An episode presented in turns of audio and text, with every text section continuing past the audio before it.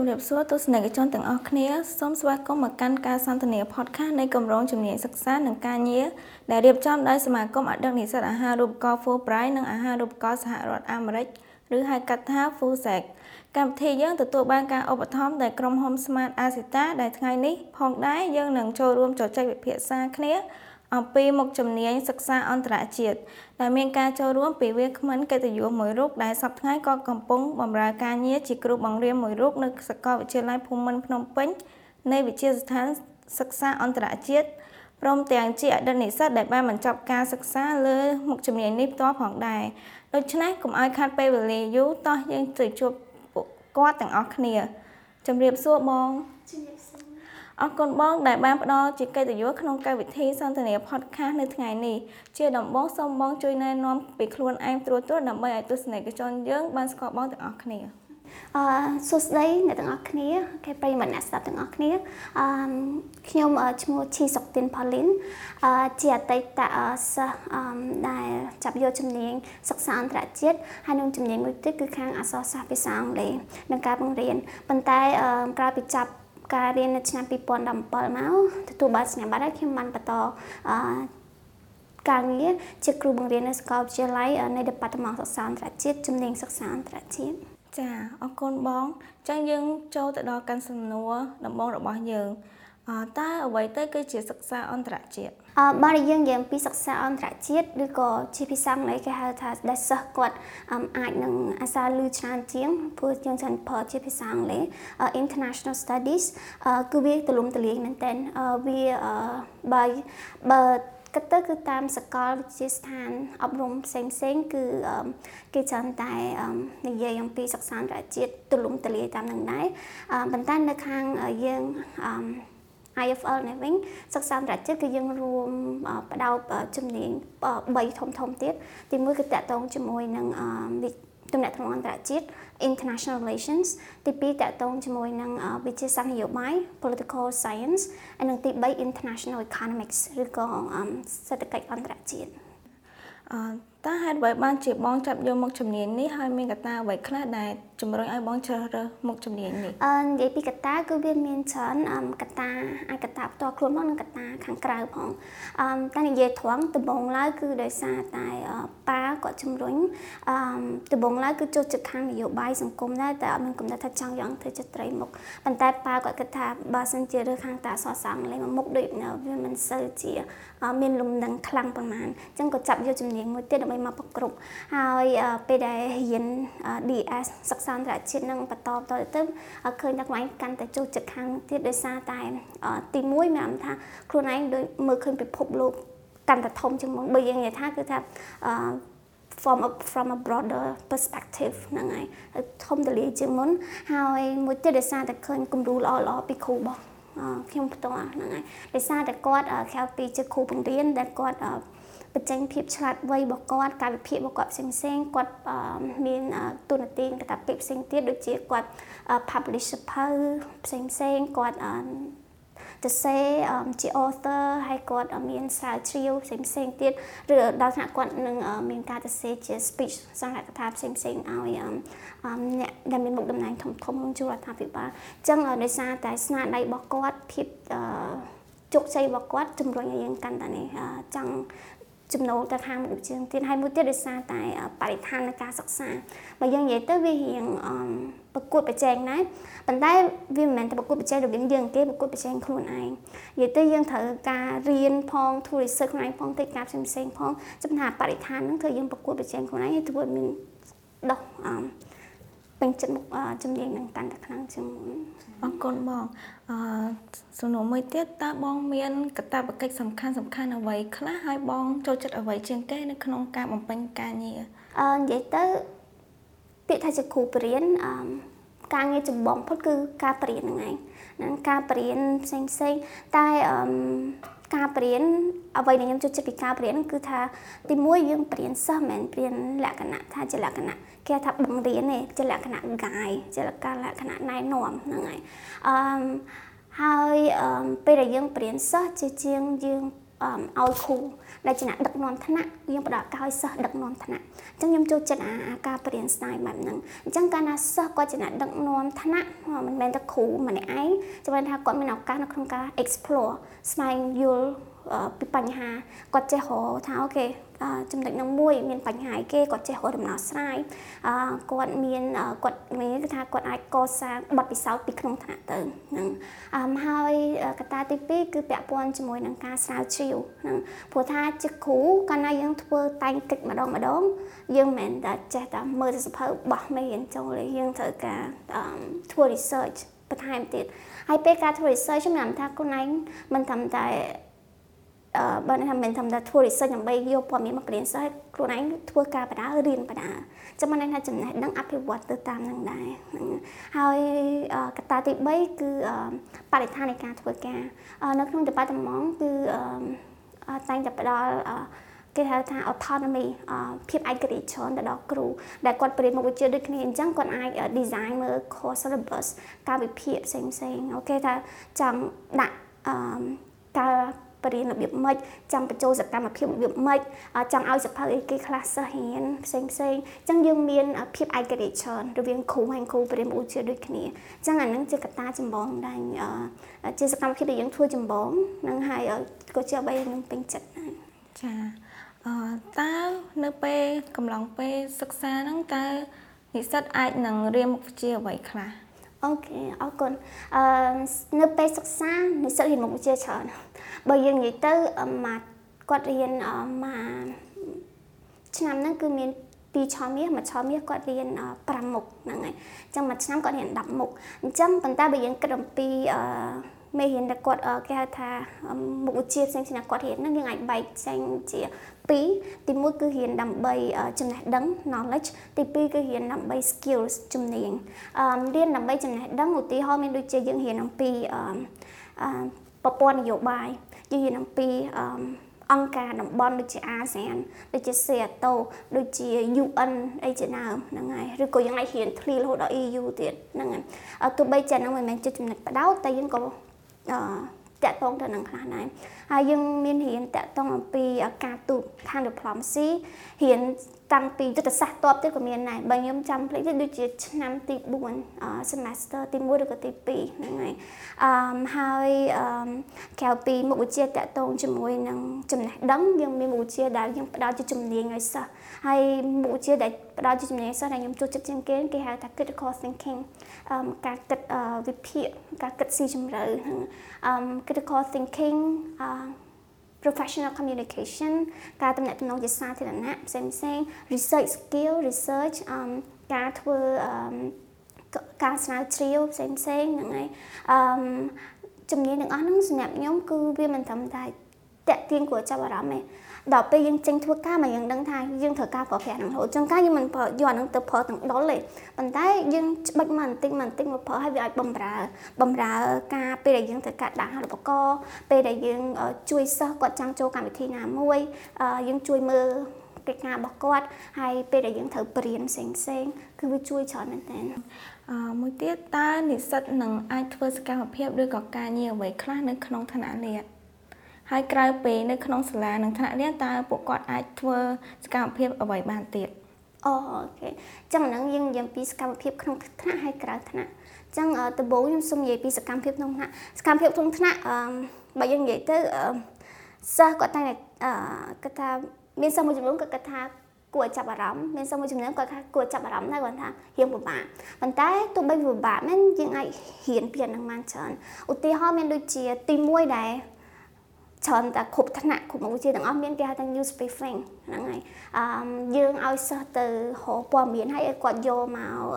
និយាយរ៉ាយរាប់សង្ខេបសង្ខេបពីព័ត៌មានហ្នឹងហើយទី2តកតងជាមួយ debate ការតស៊ូមតិហ្នឹងហើយហើយទី3ដែលគ្រប់ថ្នាក់ទាំងអស់ដែលតែងធ្វើគឺ group presentation ឡើងធ្វើបទបង្ហាញភាគច្រើនគឺជាក្រុម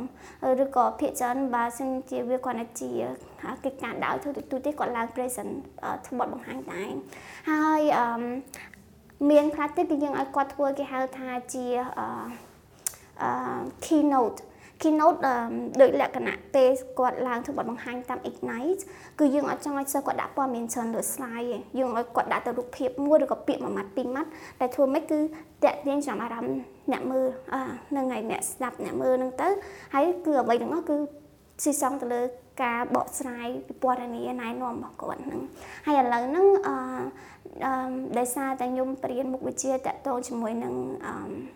អង្គការសហជីវជាតិអឺពីទៅ3ដងហើយអញ្ចឹងឥឡូវយើងចង់ explore ចង់សាកល្បងមើលសកម្មភាពថ្មីទៀតឥឡូវយើងកំពុងតែ introduce សកម្មភាពថ្មីពីថ្មីទៀតគេហៅថា newscast ចឹងយើងឲ្យសិស្សគាត់ដើរតួធ្វើដូចជាអ្នកសារព័ត៌មានយកព័ត៌មានអញ្ចឹងឲ្យគាត់ទៅ search មើលថាយូរអស់មួយថ្ងៃគាត់ដោះស្រាយបញ្ហារកអីគេខ្លះហើយគាត់យកបញ្ហាហ្នឹងយកមកនិយាយដើរតួទៅដូចជាអ្នកយកព័ត៌មានអ្នកទៅ report ព័ត៌មានអញ្ចឹងហ្នឹងហើយយើងឲ្យគាត់ហ្នឹង be creative ដល់ខ្លួនឯងតែគាត់ ធ្វើរបៀបមិនក៏បានដែរ low budget ថវិកាទាបមិនក៏បានដែរតែគាត់អាចធ្វើបានហើយមួយទៀតយើងមានណែនាំគេហៅថាជាលក្ខណៈពិភាក្សាវាគ្មិនជាវាគ្មិនហ្នឹងអញ្ចឹងឲ្យសិស្សគាត់ដើរតួជាជាអ្នកសម្ភាសហើយនឹងវាគ្មិនហើយយើងតស៊ូមតិរវាងវាគ្មិនទាំងអស់ហ្នឹងហើយនឹងរវាងអ្នកស្ដាប់ហើយនឹងវាគ្មិនហើយបើនិយាយពីការងារក្រៅថ្នាក់វិញអឺ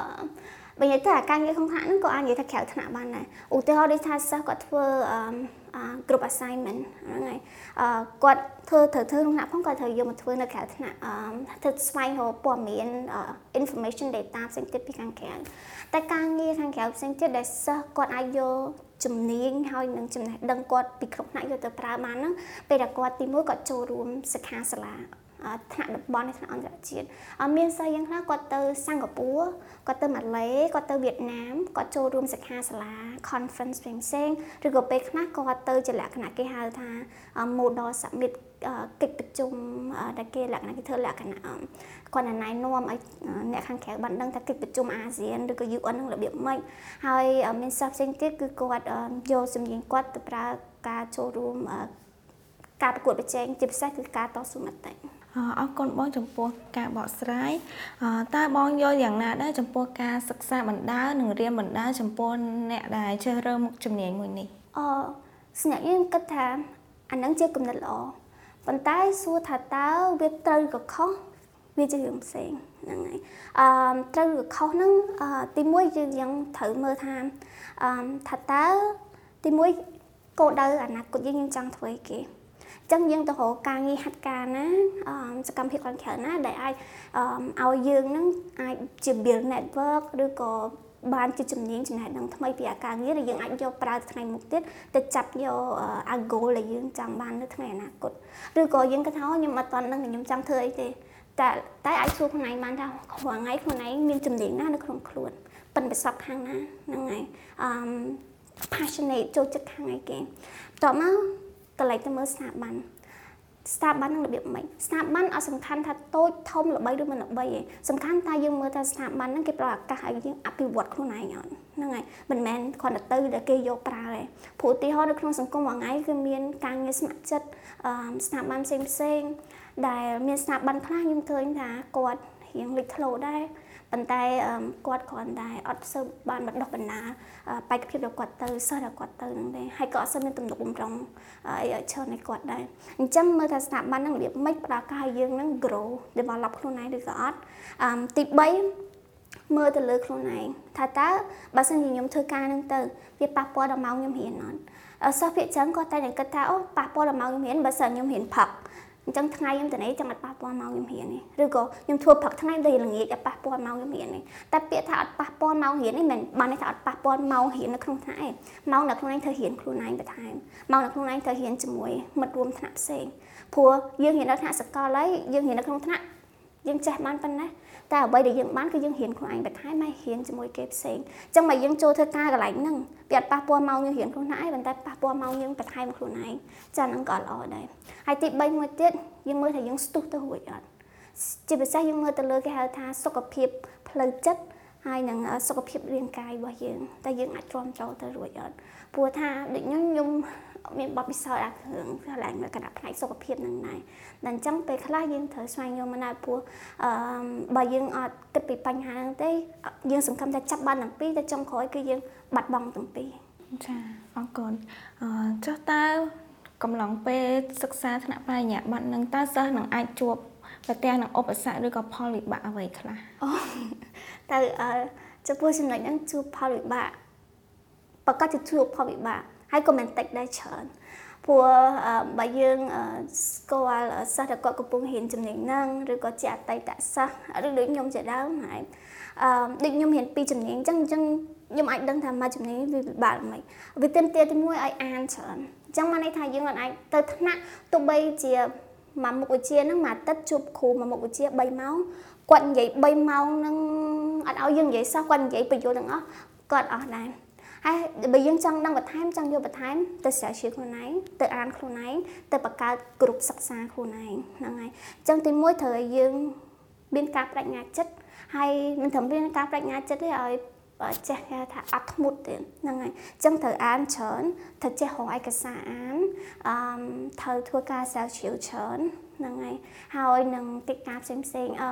សកលផ្សេងខ្ញុំអត់ដឹងដែរតែបើជំនាញហ្នឹងនៅ IFL វិញ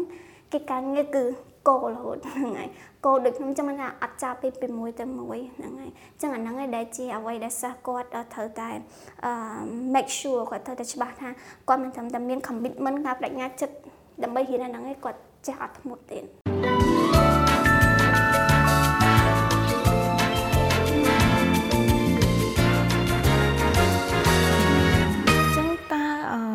អង្គគិតថាជំនាញហ្នឹង ដើរតួនាទីសំខាន់អ្វីខ្លះនៅក្នុងប្រទេសកម្ពុជាយើងអូអរគុណអឺខ្ញុំគិតថាតួនាទីហ្នឹងដើរអឺ sorry អឺជំនាញហ្នឹងគឺផ្ដល់មានសារៈសំខាន់ខ្លាំងសម្រាប់កម្ពុជាតួសារៈសំខាន់ខ្លាំងហ្នឹងមិនមែនក្នុងគណៈពេទ្យឥឡូវក៏គណៈពេទ្យខាងមុខយ៉ាងខ្លីដែរហេតុអីព្រោះថាដូចយើងដឹងរាល់ថ្ងៃអញ្ចឹងកម្ពុជារាល់ថ្ងៃជាប្រទេសដែលកំពុងអភិវឌ្ឍ ឬយើងហៅថា lower middle income country អញ្ចឹងយើងភាគច្រើនគឺយើងពឹងផ្អែកទៅលើវិស័យឧស្សាហកម្មហើយនឹងអឺឲ្យថាធនធានមនុស្សដែលគាត់ឬដែលគាត់មានជំនាញធំមកមកហ្នឹងហើយអឺប៉ុន្តែដល់ពេលណាដែលយើងអភិវឌ្ឍបានចំណេញហ្នឹងហើយយើងចាប់ផ្ដើមអភិវឌ្ឍទៅមុខទៀតយើងត្រូវការធនធានមនុស្សដែលជាអ្នកគេហៅថាអ្នកគិតអ្នកវិភាគហើយអាហ្នឹងឯងដែលជាគោលដៅរបស់សិក្សាអន្តរជាតិ គឺយើងមានទស្សនវិស័យមួយគឺយើងចង់បង្កើតអ្នកគិតហ្នឹងហើយបណ្ដុះបណ្ដាលឲ្យមានអ្នកគិតក្នុងសង្គមហើយដូចគ្នាដែរមិនទៅមុខទៀតទៅមិនត្រឹមស្រុកខ្មែរយើងទេប្រទេសទូទាំងពិភពលោកកាលណាយើងមានសកលភូមិអឺបណិយកម្មកាន់តែទៅមុខទៀតទៅទៅអឺ ពិភពលោកកាន់តែគេហៅថា technologically advanced ហ្នឹងហើយអញ្ចឹងយើងសម្បូរអ្នកធ្វើច្រើនហ្នឹងហើយពេលហ្នឹងគឺយើងខ្វះអ្នកគិតហើយហើយសម្រាប់បច្ចេកវិទ្យាជឿនលឿនមិនក៏ដោយបច្ចេកវិទ្យាជឿនលឿនមិនក៏ដោយអាចចំនួនអ្នកធ្វើបានប៉ុន្តែអាចចំនួនអ្នកគិតទេប៉ុន្តែស្របពេលហ្នឹងគឺវាត្រូវការអ្នកគិតហើយហ្នឹងហើយគឺយើងព្យាយាមបណ្ដុះបណ្ដាលមានអ្នកគិតចំពោះទីផ្សារការងារវិញតើបងគិតថាទីផ្សារការងារនៃមុខជំនាញនេះនឹងខ្លាចទៅជាយ៉ាងណាហើយនិស្សិតគួរតែត្រៀមខ្លួនយ៉ាងដូចម្ដេចខ្លះអូអរគុណ សួរស្មងអឺមាន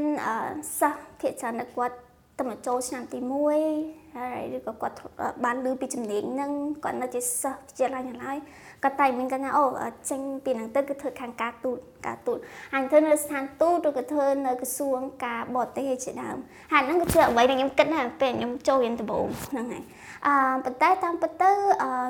យើងមិនបដោះបដាលសោះ ទៅទៅខាងនោះមុខឯងពាក្យថាការទូតគឺទលំទរា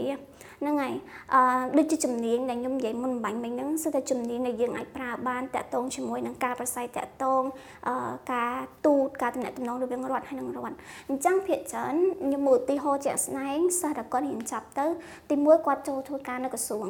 ហើយក្រសួងដែលគាត់ចូលទី1គឺមានក្រសួងការបរទេសហើយទី2គឺមានក្រសួងសេដ្ឋកិច្ចនិងហិរញ្ញវត្ថុហើយមានមិត្តភ័ក្តិខ្ញុំមួយចំនួនណាគាត់ជោគជ័យគាត់បានចូលទៅក្នុងធនាគារជាតិគាត់ធ្វើខាង bank ទៅឬក៏គាត់ធ្វើខាង research ផ្សេងផ្សេង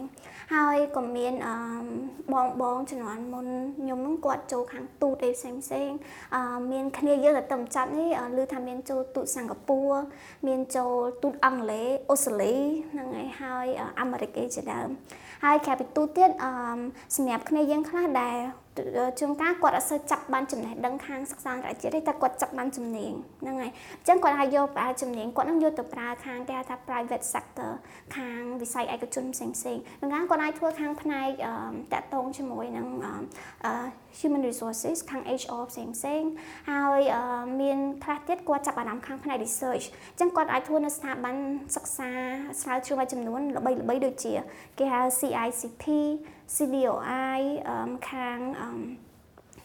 អភិវឌ្ឍហើយនឹងស្រាវជ្រាវសម្រាប់ការបណ្ដុះបណ្ដាលនិងស្រាវជ្រាវក្នុងការអភិវឌ្ឍកម្ពុជា Future Forum ផ្សេងផ្សេងហ្នឹងហើយឬក៏ដូចដូចការងារមួយថ្ងៃដែលជាគ្រូបង្រៀនខាងផ្នែកហ្នឹងអាហ្នឹងក៏យើងអាចចូលខាងហ្នឹងបានដែរអឺក្នុងនាមជាអតីតនិស្សិតហើយនិងជាគ្រូបង្រៀនតើបងគិតថាសិស្សមានការរំពឹងទុកយ៉ាងដូចម្ដេចហើយបងមានការរំពឹងទុកចំពោះសិស្សយ៉ាងណាដែរអូខេ អញ្ចឹងដំបូងខ្ញុំសូមឆ្លើយសិនថាតើគិតថាក្នុងនាមជាសិស្សថ្នាក់តំណងឬក៏សិក្សាអន្តរជាតិ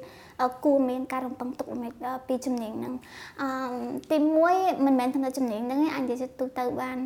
ក្នុងនាមយើងជាសិស្សសកលហើយយើងក៏គិតថាជំនាញមួយមួយគឺស្រួល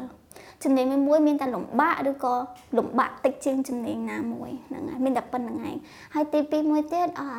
អាចថាយើងអត់សូវចូលចិត្តការអានយើងបាក់ដែរព្រោះថានៅក្នុងប្រព័ន្ធអប់រំក៏នៅក្នុងសង្គមយើងយើងអត់សូវបានលើកទឹកចិត្តជំរុញឲ្យក្មេងៗអឺឬក៏ប្រជាជនគាត់អានឲ្យបានច្រើនទេដូចខ្ញុំផ្ទាល់ខ្ញុំក៏ទទួលស្គាល់ដែរខ្ញុំក៏មិនសូវចូលចិត្តអានប៉ុន្មានដែរប៉ុន្តែមិនចូលចិត្តផ្សេងប៉ុន្តែកុំស្អប់ហើយកុំស្អប់មកន័យថាពេលណាត្រូវអានអានពេលណាអឺ គួរតែអានអានហ្នឹងហើយអឺត្រូវអានអានគួរតែអានអានអានឹងដើម្បីចំណេះដឹងយើងហើយទី2មួយទៀតពេលអឺដែលរៀនគុំ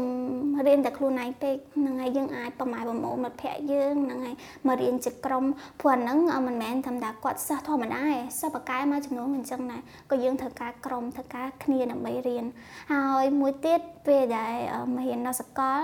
វាដូចនឹងអ្វីខ្ញុំនិយាយមុននឹងអញ្ចឹងដែរកុំរំពឹងឲ្យគ្រូបង្រៀន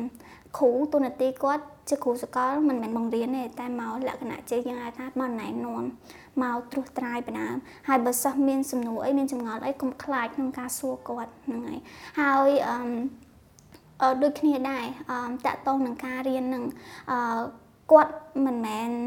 ពេលយើងជាសិស្សសកលឬក៏យើងមករៀនជំនាញឋានៈថ្នងអន្តរជាតិហ្នឹងអឺពេលខ្លះសិស្សសួរគ្រូច្រើនណាស់ហើយរំពឹងថាគ្រូទៅ Google អញ្ចឹងហើយអឺមិនថា Google ទេចូលលក្ខណៈ Google Scholar ហ្នឹងហើយតែតាមពិតទៅគឺអត់ទេព្រោះហេតុអីគ្រូក៏មានច្រឡះប្រហោងដែរ ហ្នឹងហើយគាត់អាចនឹងមានជំនាញខាងនេះមួយតែគាត់អត់មានជំនាញខាងនេះទេអញ្ចឹងអ្វីដែលគាត់ដឹងចុងការក៏មកពីការស្រាវជ្រាវរបស់គាត់ដែរហ្នឹងហើយគេហៅថាពី secondary data ដែលយើងអត់មែនទៅសួរប្រភពផ្ទាល់មកទេហើយអ្វីដែលខ្ញុំចង់ឲ្យសិស្សមានការរំពឹងទុកមួយទៀតមិនមែនមិនមែនថាមានការរំពឹងទុកទេគុំមានការរំពឹងទុកថាយើងមករៀនហ្នឹងគឺយើងមកដឹងគ្រប់រឿងទាំងអស់អត់ទេយើងមករៀនហ្នឹងគឺមិនមែនមកដឹងគ្រប់រឿងទាំងអស់ ប៉ុន្តែយើងមកចេះមើលថាតើឥឡូវនៅក្នុងស្ថានភាពណាមួយមានបញ្ហាអីឬក៏អត់បញ្ហាហ្នឹងជាបញ្ហាអីគេយើងអាចដោះស្រាយបញ្ហាហ្នឹងបានតាមរបៀបណាយើងអាចមានដំណោះស្រាយអីហើយដំណោះស្រាយហ្នឹងគុំក៏គុំរំពឹងថាហូដំណោះស្រាយមួយដែលអាចព្យាបាលបញ្ហាហ្នឹង100%ដែរតែព្យាបាលបញ្ហាហ្នឹងបានត្រឹម30ទៅ40%អាហ្នឹងក៏គេហៅដំណោះស្រាយដែរហើយតាមពេលវេលាម្ដងមកដំណាក់កាលម្ដងមកដំណាក់កាលអញ្ចឹងអាហ្នឹងអាហ្នឹងជាអ្វីដែលខ្ញុំចង់ឲ្យទៅសិស្សសកលទាំងអស់ហើយជាពិសេសគឺសិស្សដែលគាត់ចង់យកជំនាញហ្នឹងហ្នឹងហើយហើយការរំពឹងរបស់ខ្ញុំពីសិស្សវិញអឺក៏ដូចខ្ញុំភាកច្រើនគឺឃើញចាមានកតាសិស្សច្រើនមានកតាសិស្សខ្លះគាត់ បើនិយាយទៅគេហៅថាសិស្សបកែមិនធំគាត់បកែគាត់ឆ្នាតហ្នឹងហើយគាត់ឆ្នាតគាត់រៀនឆាប់យកឆាប់អីប៉ុន្តែគាត់អត់សូវខំទេហ្នឹងហើយហើយក៏អត់សូវប៉ិនខាងតំណតំណងបស័យតាក់ទងជាមួយមិត្តភ័ក្តិក្នុងថ្នាក់ដែរតែមានសិស្សខ្លះទៀតគឺគាត់អត់សូវហ្មងគាត់មកមុំប៉ុន្តែគាត់ខំរៀនហ្នឹងហើយអឺហើយសិស្សទៀតគេបកែផងគេខំរៀនផងអូខេអឺជោគជ័យល្អហ្នឹងហើយប៉ុន្តែអ្វីខ្ញុំចង់ប្រាប់សិស្សគឺថា ព្រោះតែយើងឆ្លាតឆាប់ចាប់បានឆាប់យល់ហើយកុំធ្វើប្រហែសខ្លួនឯងអឺព្រោះថាខ្ញុំខ្ញុំរៀន4ឆ្នាំហ្នឹងផងហើយជាគ្រូផងខ្ញុំឃើញថាសិស្សដែលខំរៀនអមិនដែលមិនសូវរៀនមកមកមិនតែគាត់ខំហ្នឹងហើយហើយភាពជាមួយសិស្សដែលគាត់អត់បកកាយឆ្លាតប៉ុន្តែគាត់អត់សូវខំរៀនសិស្សដែលគាត់ខំរៀនហ្នឹងទទួលបានលទ្ធផលល្អជាងហ្នឹងអញ្ចឹងអ្វីដែលខ្ញុំចង់និយាយគឺថា ជាជាងប្រើភាពឆ្លាតវៃរបស់ខ្លួនឯងប្រើការខំប្រឹងរបស់ខ្លួនឯងអាហ្នឹងទើបលទ្ធផលចង់ក្រោយបានល្អជាងចាអរគុណចុះចំពោះអាហារូបករណ៍វិញតើបងមានស្គាល់អាហារូបករណ៍ណាខ្លះដើម្បីចែករំលែកទៅដល់និស្សិតដែលមានអំណងឬក៏ចង់ជ្រើសរើសមុខជំនាញសិក្សាអន្តរជាតិនេះអូនិយាយពីអាហារូបករណ៍អឺអឺចឹងដោយសារខ្ញុំបរៀននៅខាង AFL DS នេះហ្មងខ្ញុំនិយាយពីអាហារូបករណ៍នៅ DS ហ្មងអឺ អាហារូបករណ៍នៅ DS នេះបើតាមចាំគឺយើងមានដូចជាចាប់ពីឆ្នាំ2014មកប្រហែលជា2014មកហើយមកដល់ឥឡូវហ្នឹងសិស្សគឺគាត់អាច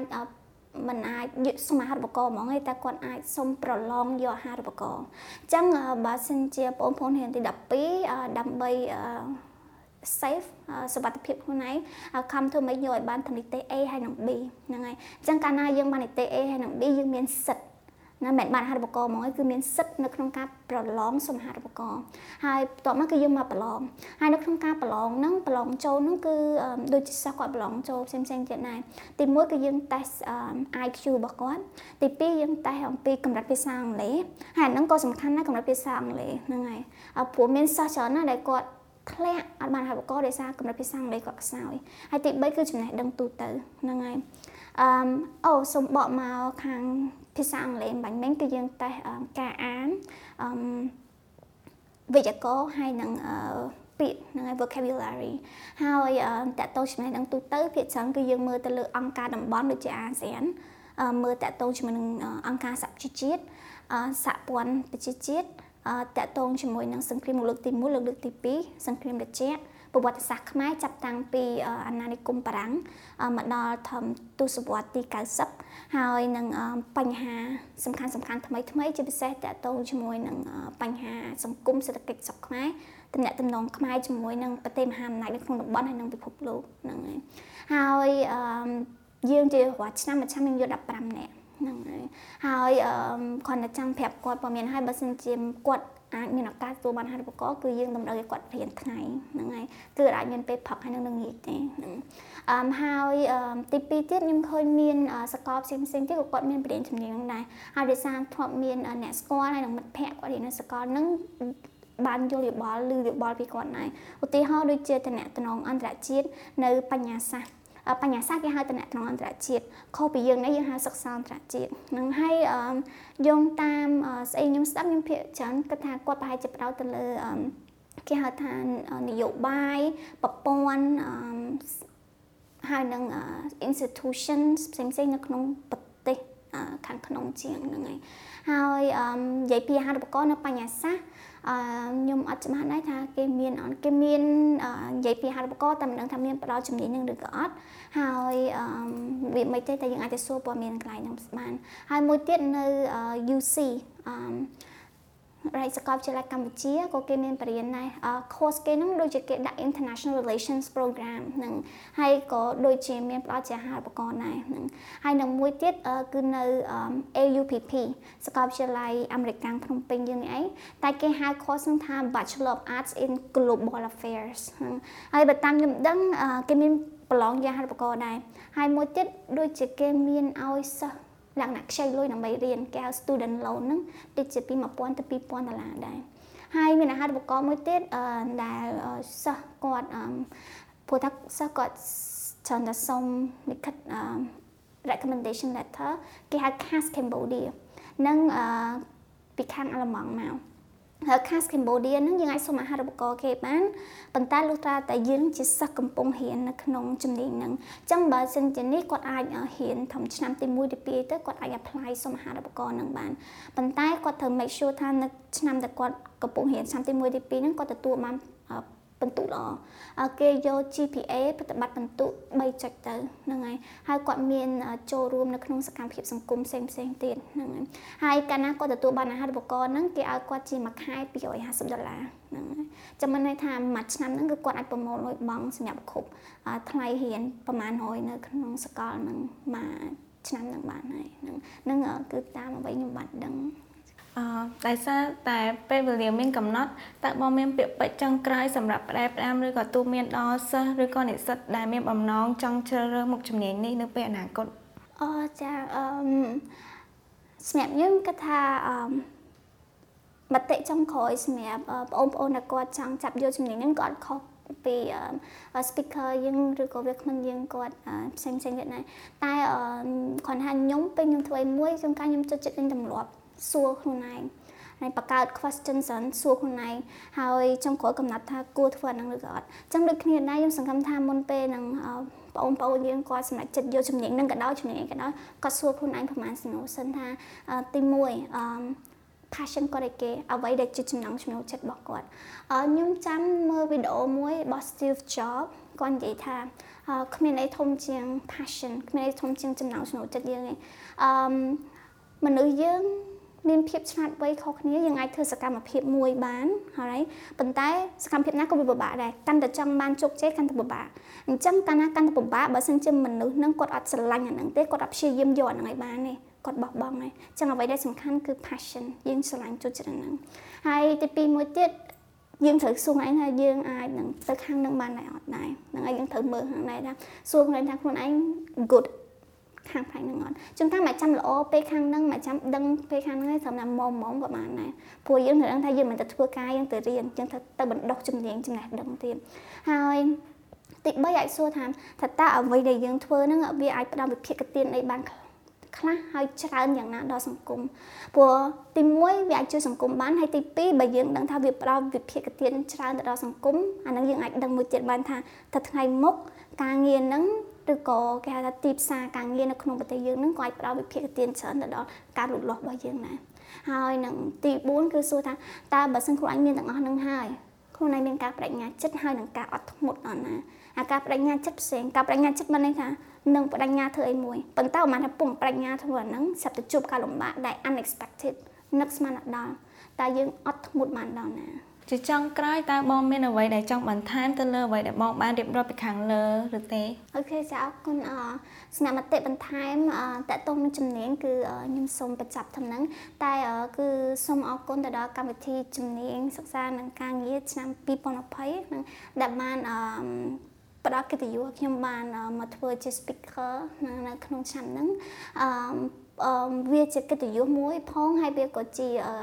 ភាពសប្បាយរីករាយមួយដែរព្រោះយើងអាចផ្ដល់បានបទពិសោធន៍សំខាន់គឺបទពិសោធន៍ទៅដល់បងប្អូនជំនាន់មុនព្រោះការខ្ញុំនៅរៀនក៏ខ្ញុំសង្ឃឹមថាមុនពេលចាប់យកជំនាញមួយដឹងដែរថាជំនាញរបៀបម៉េចហ្នឹងហើយ